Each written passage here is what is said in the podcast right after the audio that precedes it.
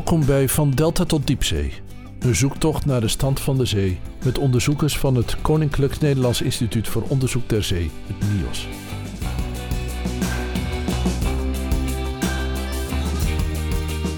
Iedere maand nodigen we een onderzoeker uit om de trap te beklimmen naar het torentje van het instituut op Texel, of naar de kade van de Oosterschelde in Ierseke, om uit te kijken en te praten over de zee. Aan dit begin van het tweede seizoen beklimt de nieuwe directeur van het instituut de trap naar het torentje. Het is de aardwetenschapper professor Han Dolman. Hij staat aan het begin van zijn aanstelling die vijf jaar zal duren. Daarin zal hij leiding geven aan rond de 150 onderzoekers van overal ter wereld. En dan ook nog eens een paar honderd mensen aan ondersteunend personeel, waaronder zeelieden, technici en instrumentenmakers. Aan een kleine vloot onderzoeksschepen die alle uithoeken van de oceaan bevaren. En hij is natuurlijk beschermheer van het onderzoek zelf, dat zich uitstrekt van de kust tot de oceaan, van de delta tot de diepzee. Het is een interessante, maar ook een verontrustende tijd voor oceaanonderzoekers. Het klimaat verandert, de zeeën veranderen mee. Dolman, die zich als hoogleraar aan de VU de laatste jaren vooral heeft beziggehouden met klimaatonderzoek op het land, 30% van het aardoppervlak, maakt op 1 november de oversteek naar Texel om, zoals hij het zelf zegt, zich te gaan concentreren op die andere 70%. We gaan zitten en blikken over zee. Wat ziet een aardwetenschapper die over zee kijkt? Ik kijk eigenlijk vooral naar het licht. Naar de variaties in het licht. En als de, de zon er op een bepaalde manier opschijnt met de glint en dergelijke. Dat, dat is echt een, een ja, heel mooi schouwspel gewoon. Echt, het is echt je kijkt variabel. Met het, met het oog van een fotograaf of een- of een schilder eigenlijk. Dat zou ik me niet willen aanmatigen. Maar meer met, met een wat fysische blik, zeg maar, over wat daar precies gebeurt ook. In termen van weerkaatsing en, en dat soort zaken. Oh ja. Daar, daar ga ik niet heel erg diep op in. Maar dan het, het volgende punt is dat het een heel, ja, dat het zo'n permanent mooi schouwspel is. Ja. Uh, en dat het ook daarna gewoon over zo'n heel enorme vlakte gebeurt. Dat licht dat weerkaatst natuurlijk daar op maar het weerkaatst over die hele oceaan Dat- waar de zon schijnt. Ja, dat is dus een, echt een enorm oneindige exercitie wat dat betreft. En dat, dat, is het, dat is ook het gevoel wat, je, wat, wat ik wel krijg als ik naar zee kijk. Dat het, dat het zo groot en zo bijna onaantastbaar is. Dat is het natuurlijk niet helemaal. Maar Als de- het zonlicht naar binnen komt en het wordt teruggekaatst en het wordt niet opgenomen. als het op, op ijs of op sneeuw ja. of een gletsjer valt... ja, dan wordt dan 80 of 90 procent wordt het teruggekaatst. Precies. Dat gebeurt dus over de oceaan niet. Nee, Maar er wordt wel een deel teruggekaatst. meer dan op het land, neem ik aan. Ja. Is het Het van is- belang dat er licht wordt teruggekaatst? Is dat ergens goed voor? Oh ja, dat is heel erg, heel erg goed. ik heb toevallig net vanochtend nog uitgelegd aan studenten... wat zeg maar de, de temperatuur van de aarde is. Die is in evenwicht met de hoeveelheid zonnestraling die je krijgt. En daar zit een term in de vergelijkingen die je hebt... en dat is gewoon de weerkaatsing. Dus Oh ja. over de hele planeet genomen is het iets van 30 procent. Ben je aan zee opgegroeid? Ik ben in eh, Apeldoorn eh, opgegroeid. Apeldoorn, oh ja, Ja. de bossen dus. En ik heb een vrouw die eh, uit Groningen komt... want ik ben in Groningen gaan studeren. Oh ja, Dus het is, in zekere zin is het vaak, vaak wel een soort continu gevecht... of we nou naar de, de uitzichtplekken, de, lange, de vlakke landen moeten... of naar de bossen. En ik, ik knap gewoon altijd op als ik door bossen loop. En, eh, Ja, ja. En, eh, en zij knapt altijd op als ze uitzicht heeft. ja dat is, de, eh, ik kan dit niet voor je oplossen. Nou, het is ook geen, het is ook geen scheidingsgrond hoor, maak je Nee. geen zorgen. nee, nee. Maar dit, ik, ja, dit- op de een of andere manier zit dat blijkbaar wel in me. eh, Ja. Dat ik eh, dat- bij bossen... Maar goed, je, wordt- je wordt nou directeur van een instituut dat zich vooral met het uitzicht, met, met de zee bezighoudt. Ja, met de En, zee. ja. Maar ging je wel naar zee vroeger of bleef je sowieso in het bos? Nee hoor, wij- wij hebben wel vakanties gehad ook naar Zeeland. Verder zijn we, ja, we zijn ook wel gewoon op vakantie in Drenthe in het begin geweest, Ja, zeg maar. ja. En daar was het dan toch allemaal wel weer bos. Ja, Maar we zijn wel naar zee geweest. En later, toen ik studeerde, dat was in Groningen. Toen gingen we ook vaak uh, met de bus even naar Schiermonnikoog. Uh, oh ja, oh, uh, en daar heb je ook bos. Ik dacht even naar Noordlaren, naar Noordlarenbos, maar na, nee, naar, nee, naar nee, nee, nee, ja. Dan, ja, nou, dan, dan kwam de Waddenzee dus wel weer ja, aan de orde en zo. Ja, en, ja. We hebben, ik heb vroeger ook wel eens een paar keer gewadlopen. Maar als jij inderdaad het bos uitkomt om je met de zee bezig te houden, dan moet je daar dus een hele goede reden voor hebben. Ja, en dat is een verhaal, denk ik, wat de afgelopen jaren ook wel een beetje zich ontwikkeld heeft. Ik, ik heb mij met die bossen vooral in eerste instantie bezig gehouden met, uh, met de koolstofcyclus en de koolstofopname daarvan. En daar hebben we redelijk grote projecten binnen Europa mee gedaan. En er waren vergelijkbare projecten op dat moment ook met de, met de oceaan. Dat is natuurlijk ook ja, even over die koolstofcyclus moet toch even iets van... De, de, de, bomen nemen CO2 op, maken daar een boom van... maar die boom die heeft een eindig leven... en dan, dan op het moment dat die boom sterft... dan komt die CO2 weer in de atmosfeer. Is dat de koolstofcyclus? Of? Kort gezegd wel, ja. Ja. ja. En, wat, en dat, Houdt, dat houdt dus ook in dat het eigenlijk op lange termijn... dat effect uh, nul zou moeten zijn. Ja, want... Um, We gaat... nemen dus evenveel op, maar dat is een heel langdurig proces... En ze stoten dus uit op het moment dat ze doodgaan... of dat er een bosbrand is of wat dan ook. Maar vaak is dat dus veel sneller. Ja. En je hebt het over een langdurig proces... maar dat is naar menselijke maat gemeten... maar naar geologische maat gemeten... Eh, maakt het eigenlijk... Hè, dat hele idee dat er bossen zouden moeten zijn... om die CO2 op te nemen... is naar menselijke maat ontzettend belangrijk... maar naar geologische maat heb je eigenlijk andere... heb je meer aan de zee op lange termijn, en als, zeker als je praat over meer dan, uh, dan 100 jaar, is wat er aan het landoppervlak gebeurt niet zo belangrijk. Dan draait het echt puur om wat de oceaan doet. En kan je dat uitleggen? Op het land is het echt een puur biologisch proces waar je CO2 mee, mee opneemt.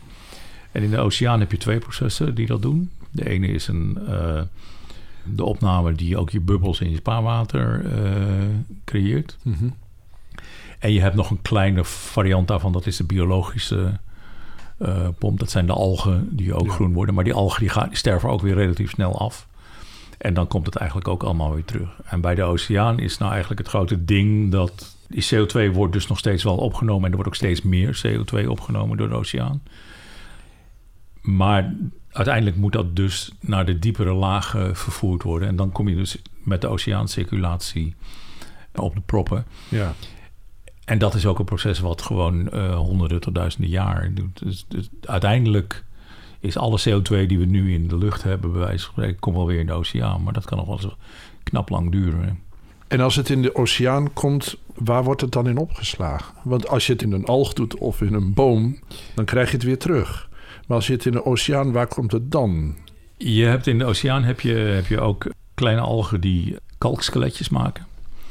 En die gebruiken dus de CO2 de opgeloste CO2 in het, uh, in het water. Om die kalkskeletjes te maken. Nou, op het moment dat die afsterven, zakken die kalkskeletjes naar beneden. En dan komt het in het oceaansediment. Dus dat is eigenlijk het geologische. Ja, op geologische tijdschalen is dat dus iets wat je ook kunt reconstrueren. Dan komt het eigenlijk in gesteente terecht. En voordat op het... lange, ja, als, als zeg maar, nou, eerst, eerst wordt het gewoon modder. Ja. en op, op termijn, als het zeg maar door de druk steeds verder uh, comprimeert, ja, dan wordt het het gesteente. Het zijn dezelfde gesteenten die je ziet als je naar Dover vaart. Ja, precies. Ja, die, de krijtrotsen, ja. dat is in feite ja. zit er, heel veel opgeslagen CO2 zit erin. Ja. Komt dat ooit weer terug? Die, die CO2, komt die, die CO2 weer... lost ook op als daar water op valt. Ja. Dus die CO2 die in die rotsen zit, die komt uiteindelijk ook vrij. Uh, het is zelfs zo dat als je echte, zeg maar, basaltische of uh, uh, gesteentes hebt, die nemen CO2 op, ook door verwering. En op echt lange tijdschalen is dat het grote proces wat de CO2-gehaltes enigszins onder controle houdt. Het is wat je noemt een, een geologische thermostaat. Stel dat je veel CO2 in de atmosfeer hebt en dan is het dus warm. Dan heb je relatief veel neerslag. Relatief, omdat de atmosfeer veel vocht kan vasthouden. Ja. Nou, dat regent dus ook uit. Nou, op het moment dat dat dus in contact komt met die gesteentes... Uh, dan vindt er een chemisch proces plaats... waarbij je netto één molecuul CO2 uit de atmosfeer opneemt. Daarmee reduceer je dus eigenlijk het CO2-gehalte van de atmosfeer... Waardoor het op langere tijd, ja, het wordt niet dan morgen uh, kouder, maar op langere tijdschaal, en dan praat je over tienduizenden jaar en dat soort dingen, wordt het dan dus ook weer wat kouder. Ah. En gaat het ook iets minder regenen. Dat is dus ook een soort evenwicht. Een soort, dat is een eh, evenwicht. Je, ja. je krijgt meer CO2, daardoor wordt het warmer, daardoor gaat het meer regenen, daardoor wordt er meer CO2 opgenomen, daardoor neemt de CO2 mogelijkerwijs, als je het niet blijft bijpompen, een beetje af, daardoor wordt het weer koeler, daardoor Ja. regent het weer. En zo, dat is eigenlijk een soort... Maar eh, dat is dus iets wat op, op, op, op honderdduizenden background, jaren speelt. Hè? Dat, is- dat gaat ons hier niet redden. Mocht je daar aan denken. Dat is het aantrekkelijke van aardwetenschappen voor, mij. Dat, dat soort mechanismes. Het, het is heel moeilijk om, om dat te bewijzen trouwens hoor. ja. Dat is een hele lastige exercitie om daar echt, echt hard bewijs voor te vinden. Maar het, het zijn, ja, ik vind het schitterende eh, hypotheses. In Ja, het klinkt in ieder geval heel erg makkelijk te begrijpen en aannemelijk. Ehm, maar ja, geologen die denken natuurlijk, die moeten op twee manieren denken. Die zeg maar in de, met de tijdschaal van hun eigen leven en de tijdschaal van hun vakgebied. Dan gaat het inderdaad al gauw over miljoenen jaren. Maar Ja, ik- ik- voor een normaal mens valt eigenlijk niet met een geoloog te praten soms. Nee. Nee, maar, en je zou ook kunnen zeggen dat een geoloog daar ook troost uit kan putten. Je zei zo net, dat is een prachtig systeem. Ik kan het niet bewijzen, maar het is een prachtig systeem. En ach, wij zijn er misschien over honderdduizend jaar niet meer, maar de aarde redt zich wel. Maar zo, zo zit jij niet in elkaar. Nee, ik, ik, ik, er zijn geologen die met dat soort theorieën enigszins koketteren, vind ik. En dat vind ik dus heel gevaarlijk. Eh, Omdat, ja, eh, als je puur kijkt naar het aardse systeem... en je kijkt naar, eh, zeg maar, oppervlak en diepte van de oceaan... je kijkt naar wat er op het land gebeurt... ja, dan spelen mensen daar op langere termijn... als wij het niet meer redden, ja, jammer, is niet zo erg. Eh, maar we hebben wel een samenleving waarvoor we voor elkaar te zorgen hebben. Ja. En daar is dus veel meer urgentie om aan die CO2 wat te doen. Dan kun je niet meer zeggen... eh, ja, over, de, over 10.000 jaar eh, gaat het goed. Dat kan ik mijn kinderen niet vertellen. Maak je maar geen zorgen. eh, jouw toekomst zal wel vervelender zijn dan de mijne... maar over 10.000 jaar komt alles goed. Ja. Ja. dat werkt niet zo. Nee, en, de, en die urgentie is zo groot dat een bosbewoner naar Texel kan komen om, om een nieuwe positie aan te nemen, om die boodschap ook duidelijk te maken. Zit dat er een beetje bij? Het zit er denk ik wel bij. Ik, ik maak mij eigenlijk wel heel veel zorgen over twee dingen. De, de, het tempo waarin veranderingen op dit moment plaatsvinden. En dat is zowel op het land als in de oceaan. En het schromelijke gebrek aan urgentie bij eh, onze huidige generatie politici daaraan. ja. Waarbij het klimaatprobleem eigenlijk helemaal... Het is prima als je er geld aan kunt verdienen. En ik vind, het, ik vind het zelf ook goed als je er geld aan kunt verdienen hoor. En zonder dat komt het waarschijnlijk ook niet eh, tot een oplossing. Maar je moet je wel bewust zijn van, van het, het primaire probleem. En daar moet, daar moet je dus ook iets aan gaan doen.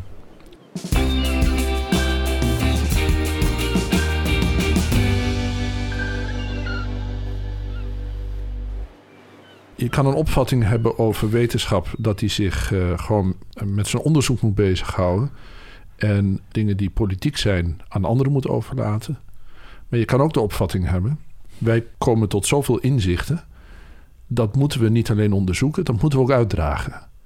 En dan krijg je een beetje een activistische saus erbij. Hoe, hoe, hoe kijk jij daar tegenaan? Wat is jouw taak, vind je? Als jij al die dingen weet en je ziet nou, hoe de politiek ermee omgaat. Heb jij een taak buiten het runnen van zo'n instituut ook voor het bewust maken van de maatschappij? Ja, ik vind dat ik, ik, vind dat ik daar zeker een, een taak in heb. De tijd dat wetenschappers zich puur om zeg maar de procesmatige kant van zaken konden concentreren en zeiden van ja, wij doen fundamenteel onderzoek en het is aan de politiek om daar wat mee te doen. Die ligt eigenlijk al lang achter ons. Ja. Als je zegt een activistisch sausje, dan is dat misschien wel een goede kenschep. Want je hebt natuurlijk ook gewoon toch echt behoorlijk activistische wetenschappers. Die veel verder daarin gaan ook. En ook type vraagstelling wat ze aanpakken laten bepalen door hun zeg maar, maatschappelijke achtergrond. Ik vind, vind dat je daar nog wel een balans in moet, moet zien te vinden. Maar ik vind wel degelijk dat als je kijkt naar klimaatimpact, dat zijn zaken die we naar buiten moeten brengen. We moeten daar ook vrij hard bijzeggen, vind ik, van waar het dan ligt. En dat je daar dus iets aan moet doen. Ik heb nu eigenlijk in alle uithoeken van het NIOS mensen gesproken. En het is eigenlijk altijd de grote gemene deler. Of het nou uh, in Ierseke is uh, het onderzoek naar kustverdediging, of het nou uh, zeg maar de koolstofcyclus is in de oceanen en, en de kleine schelpjes die, die koolstof opnemen, of het gaat over het onderzoek aan vogels. Overal kom je weer hetzelfde verhaal tegen. De boel warmt op, er is meer CO2, alles verandert en niet ten goede. Ik kan me voorstellen dat als jij um, directeur wordt van het instituut, dat dat inderdaad de boodschap is waaraan elk onderzoek bijdraagt. Kijk, als directeur doe je zelf niet zoveel onderzoek meer. De vorige directeur heeft mij al uh, verkondigd dat dat gewoon niet aan de orde was. Dus dat ik me dat beter kon gaan realiseren. En dat, dat heb ik me ook maar gedaan. Maar dat wist ik ook wel toen ik het accepteerde. Ja. Maar ik denk wel dat, dat, dat, dat je daar iets aan toe kunt voegen. En dat je een soort, soort bredere boodschap naar buiten toe ook kunt brengen. En dat je sommige van die aspecten die nu nog enigszins verdeeld worden onderzocht door de verschillende afdelingen, dat je die bij elkaar kunt brengen. Ja, ja. En daar een, een grote gemene deler uh, onder kunt hangen. Het gaat natuurlijk ook om het vertalen van wat jij weet. Om het de mensen aan, de, aan het verstand te peuteren wat er nou eigenlijk aan de hand is. Ben je daar, wat, vind je dat leuk om te doen? Vind je dat lastig om te doen? Vind je dat frustrerend? Is dat, of is dat eigenlijk... Het is uh... soms frustrerend, maar ik denk ook dat het een van de dingen is die bij je taak hoort. Ik bedoel, dit, dat is zeg maar het sausje van activisme. Ja. Uh, het is niet alleen om, om zeg maar in, het bredere publiek leuke verhalen te vertellen, maar het is ook om te proberen mensen die uh, daar de beslissingen over nemen te overtuigen van wat er aan de hand is. Maar ik heb wel een mooi voorbeeld. Dat was een paar jaar geleden dat ik met zo iemand zat. En uh, het Parijsakkoord was toen, toen een paar, twee, twee jaar getekend of zo. En um, ik zei eigenlijk uh, is dat Parijse akkoord een heel raar ding, die anderhalve graad. Want uh, als je weet dat 95% van de energie in de oceaan terechtkomt en daar uiteindelijk de oceaan aan het opwarmen is, dan is zeg maar de, de, de, wat in het Engels de ocean heat content, uh, dus, dus, de warmteinhoud van de oceaan, is eigenlijk een veel betere parameter. Ja. En toen was zijn reactie van ja Han, je hebt wetenschappelijk heel erg gelijk, maar we zijn nu sinds Kyoto heel lang bezig geweest om dat Parijse akkoord te, eh, te doen. En jouw indicator mag wetenschappelijk wel logischer zijn en, en voor, meer voor de hand liggen, maar dat krijgen we er echt niet meer door.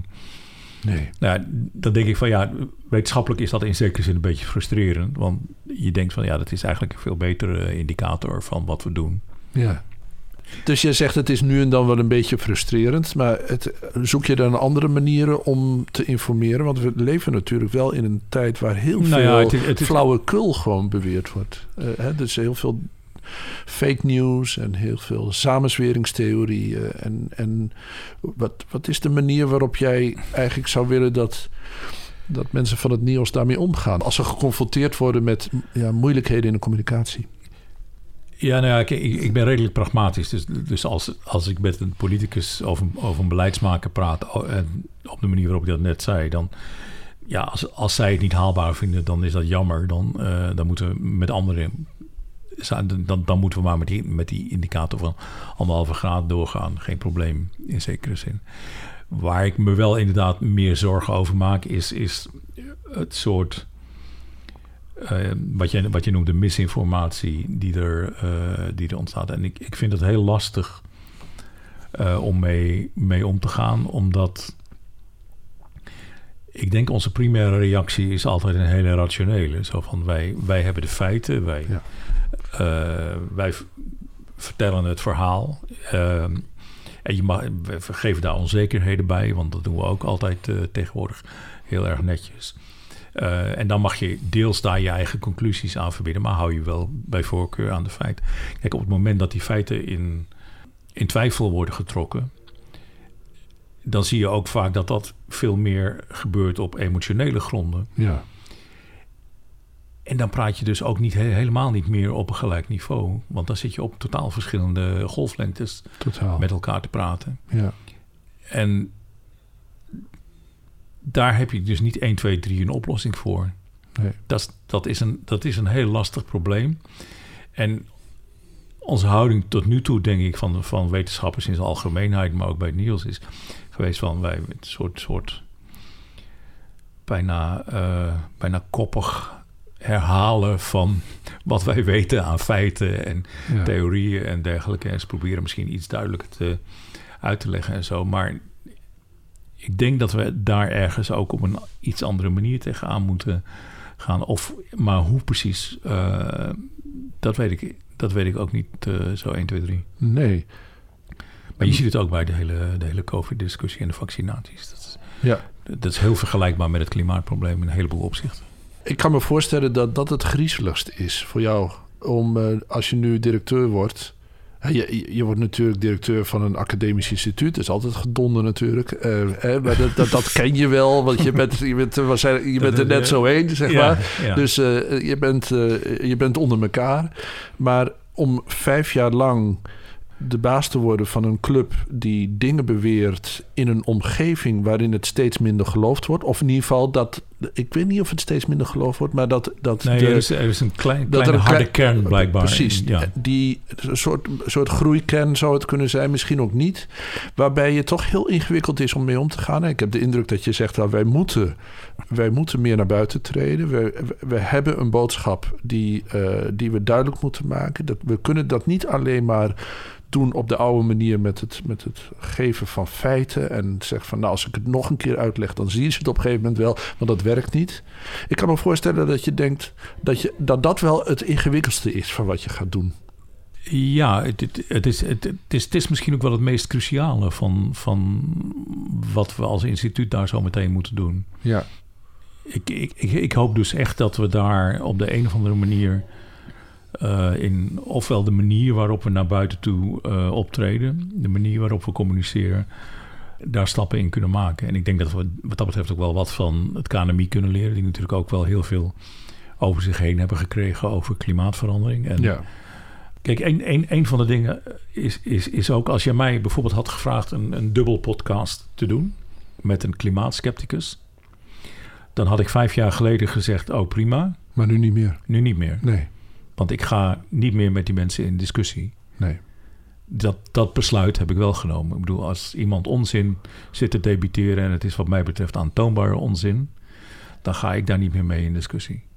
Omdat het toch geen zin heeft. En het enige... Het Nee, en enige het suggereer, ik, ik suggereer door dat te doen ook dat we eenzelfde type waarheid aan het verkondigen zijn. ja. En, en dat is dus niet zo. Nee.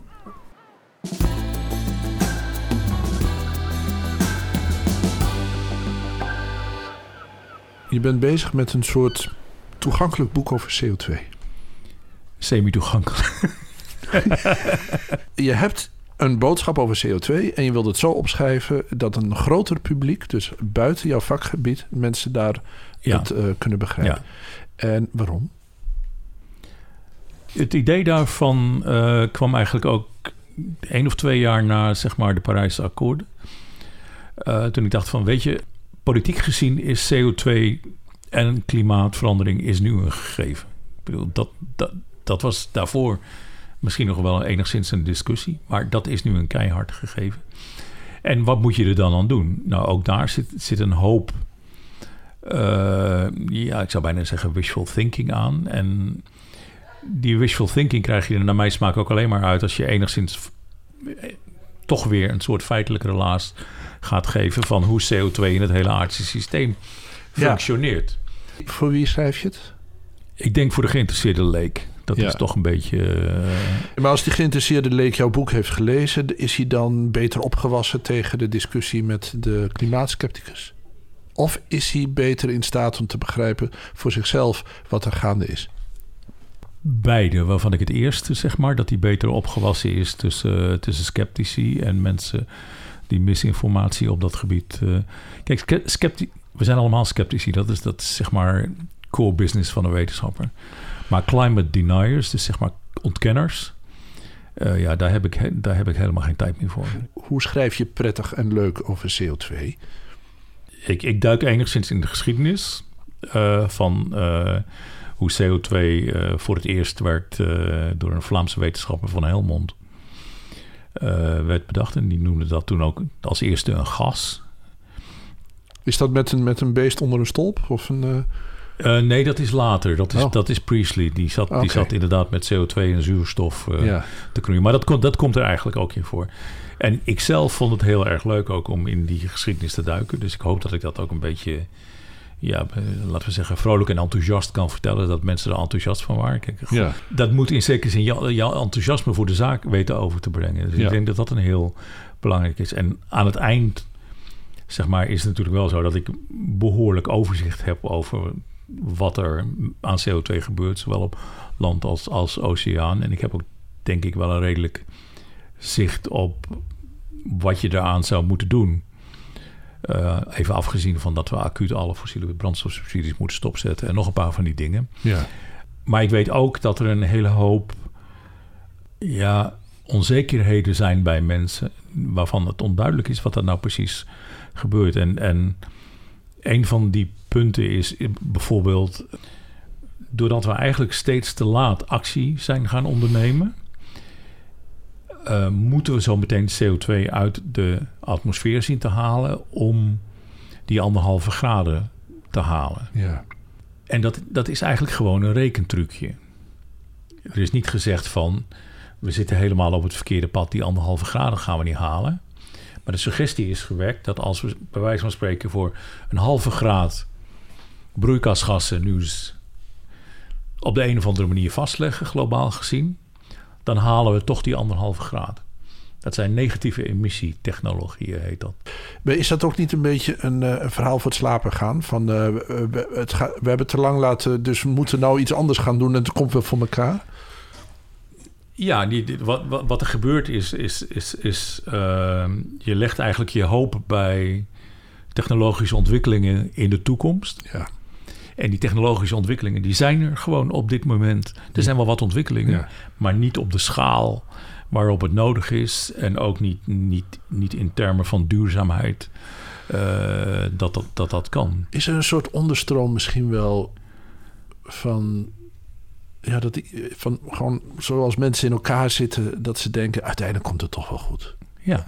Ja. ja. Maar dat is niet zo.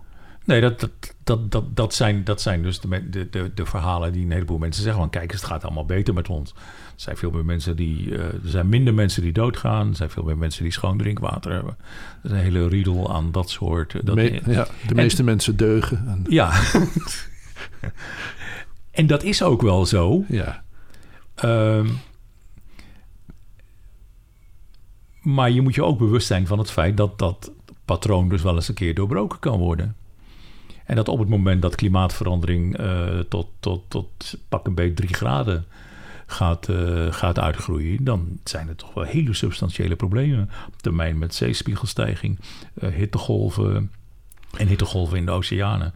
Dat is ook iets wat nu steeds meer aan de orde komt en wat koralen aantast. Het is natuurlijk heel erg ingewikkeld om je echt iets concreets voor te stellen bij een groot probleem dat zich nog in de toekomst ophoudt. Maar nee, dat, dat vind je niet echt. Want je hoeft alleen maar gekeken te hebben naar de overstromingen die er in, uh, in Duitsland en België zijn geweest. Ik zat er middenin. Je zat er zelfs in. Ja. Nou ja, dan, nou, ik, dan, ik, ik, zet, dan ik moet je aardig wat angstige uren gehad hebben, denk ik. Ik kan je vertellen, de Ambleven is een monster zo'n rivier, dat is echt niet te geloven. Ik was in Kook, ik heb droge voeten gehouden. Maar ik heb gezien hoe, wat er gebeurt met de rivier die woedend wordt. Die gewoon zijn bedding uitspringt. Ja. Het is van een. Van een uh, het is echt ongelooflijk. Want een kracht en een mens is helemaal niks op zo'n moment. Nee, nee, dat is. Dus ik, heb het, ik heb het gezien, ja. Maar, maar toch, maar, maar dat, toch is drie graden iets abstracts. Dat is wat ik bedoel. Ja, maar ik denk, ik denk dus dat, dat, dat, dat een van de dingen die dus zeg maar die groep met Gertjan van Oldenburg en, uh, en dergelijke gedaan heeft, om uh, te kwantificeren hoeveel kans er is, zeg maar, dat dat daadwerkelijk door klimaatverandering uh, plaatsvindt. En dat dus die extreme gebeurtenissen steeds vaker plaatsvinden. Ja. Dat, is, dat, dat is heel belangrijk. En het KNMI kan ook best wat activistischer zijn in een heleboel dingen. Uh, maar zij zijn natuurlijk als, als agentschap zitten ze wat lastiger in die hele discussie met ministeries en dergelijke. Dus ze worden veel sneller op de vingers getikt. Ja, wat dat betreft is een, een iets meer geïsoleerde situatie, eh, zoals voor het NIOS. Dat dat, hè, die, NIOS is niet een aantal keren per dag op de televisie. Nou, maar ik denk dat wij op zeg maar, het gebied van klimaatonderzoek uh, misschien ook wel moeten zoeken naar betere samenwerking met, met het KNMI. En ook Mhm. met name in hoe je daarmee naar buiten treedt. Kijk, ik vind dat, dat wetenschappers ook een maatschappelijke rol hebben te vervullen. We zitten niet in isolatie. Je bent, je bent Ja. ook burger. Dus eigenlijk is het, is een no-brainer om te zeggen dat je een maatschappelijke rol hebt, vind ik. Kijk, die anderhalf graad, twee graden, de eh, drie graden, dat zijn dingen waar normaal mens zich eigenlijk niets bij kan voorstellen. Maar jij kan zeggen, het is erg. Want als er dat gebeurt, dan gebeurt er iets anders. Maar als je het hebt... Maar jij hebt dus nu, als het goed is, droge voeten gehouden. Daarom, bij, dat een- wil ik bij, zeggen. Bij een situatie die bij 1 graden Ja. optrad. Ja, dat, maar dat wil ik zeggen. Dus die rivier, dat is iets waar mensen zich iets bij voor kunnen stellen. Ja. Dus het heeft minder zin om, eh, als je een boodschap uit, om het te hebben over eh, anderhalve graad, twee graden of, of eh, hoeveel CO2 in de, maat, in de atmosfeer, of om daar getallen aan te plakken. Maar je, je moet er iets aan plakken wat. wat De, de voorbeelden geven de- van... ja, die verschijnselen, Ja. die, de, de verwoesting. nee, dat ben, de- ik wel, dat, ben ik, dat ben ik wel met je eens. en dan is het de voortdurende uitdaging om uit te leggen en te blijven uitleggen. En daar, ja, dat, help me lieve moedertje, dat zal toch een wetenschapper moeten doen. Dat datgene wat eh, zich heeft voortgedaan, dat dat teruggeredeneerd kan worden na die opwarming. En, Ja. en daar word je natuurlijk altijd weer aangevallen. En zegt van ja, nee, ja, kom, eh, hoezo Nee, komt ik, dat ik, door? ik had jou, ja, afgezien van jouw voorbeeld bijvoorbeeld over dat, dat je het daadwerkelijk ervaren hebt. Ja. Mensen die op de kleine eilanden in de Pacific zijn, waar, die, die eigenlijk met een, een paar centimeter zeespiegelstijging hun hele hebben en houden verloren zien gaan. Ja. Dat is natuurlijk ook nog veel erger in, want wij hebben in het Westen, wij hebben het op ons konto dat we de meeste broeikasgassen de lucht in hebben gestuurd. Amerikanen voorop. De, nu zijn de Chinezen hard bezig eh, dat in te halen, net als een heleboel andere dingen, maar ook qua broeikasgassen. Maar wij hebben dus eigenlijk gewoon het probleem veroorzaakt. Ja. Dus wij, zijn, wij hebben ook een, eh, een verantwoordelijkheid richting andere landen om daar iets aan te doen. En dat, dat, dat is ook een van de, van de kerndiscussies in die hele kop, zoals in, in, in Glasgow. Hoe, hoe ligt die verantwoording? Want landen als India en, en Pakistan, die zeggen wel... ja jongens, het is allemaal wel leuk en aardig. Maar jullie, Ja. A, wij willen onszelf ontwikkelen... zodat we een beetje op, op niveau zijn. Allicht. En B, jullie zijn de veroorzakers van het probleem. Ja. Dan moet je niet aan ons gaan vragen om dat te betalen. Komen jullie maar over de brug. Ja. Ja. Ik vind het toch leuk om dit eh, op deze manier een beetje op de spits te drijven. Want het, eh, dit is volgens mij eh, een van de dingen waar je tegenaan zal lopen. Dat als je, en dat heb je zelf ook al gezegd, als je feiten geeft, dat is niet voldoende. En je moet een verhaal vertellen dat op een of andere manier aankomt. En wat dat betreft zou je kunnen zeggen, die overstromingen zijn een goede, want dat komt dichtbij. Hè? En eh, heel veel dingen zijn nog, ook nog ver van je bed. Je, bent ook, je hebt ook geneigd. Je zag het toch ook met de opkomst van, eh, van COVID. Dat je dacht, nou, het is eerst in China, het is nog niet hier. En het Ja. was toen in India, het was nog niet hier. En al die tijd maak je je geen zorgen. Eh, of hè, je hebt het wel zo over, maar je denkt er liever niet aan, want ik, eh, ik moet nog dit en dat en dat en dat. En ja, met die opwarming van de aarde, ja, is het natuurlijk, eh, als het gaat om, eh, om abst- abstracte getallen, dan is het gewoon heel erg moeilijk om je er iets bij voor te stellen. Ja, maar wat, wat, wat- dat, dat, dat klopt. Het is heel, heel erg moeilijk om, om je voor te stellen. Maar dat, een van de aardige dingen is ook wel dat je nu hele sterke bewegingen, met name de jeugd, ziet. Die Ja. zeggen van ja, eh, het is onze toekomst die Ja. op het spel staat. En daar, daar put ik dan wel weer hoop uit dat, dat, dat, dat er op vrijdag eh, massaal gedemonstreerd wordt, massaal gestaakt en, Ja. en dat soort dingen. Of dat uiteindelijk effect heeft, weet ik niet. Want als je kijkt naar mensen als Rutte en, en Hoekstra, die, die hebben, die, die, die, die, die kijken tegen klimaat eh, op een hele andere manier aan dan. eh, Een heel andere rekensom. Ik bedoel, Ja. jij kijkt met het rekensom naar het klimaat, maar zij met een heel ander soort rekensom. Ja, het moet wel betaalbaar en haalbaar zijn. dat is het. hè. Denk vooral dat het haalbaar moet zijn. En betaalbaar is het sowieso. Want als het erger wordt, dan zijn er zijn zat berekeningen die laten zien Ja. dat niets doen eh is veel op termijn duurder. veel duurder is dan, Ja. eh, dan wel iets doen. Wanneer begin je ook alweer? 1 november. Oké. Nou ja, gefeliciteerd met je benoeming. En eh, heel veel succes met het vertellen van het verhaal. Dank je.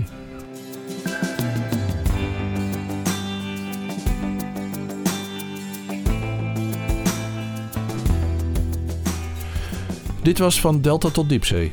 Gesprekken over de zee en haar kostgangers met onderzoekers en medewerkers van het Koninklijk Nederlands Instituut voor Onderzoek der Zee, het NIOS.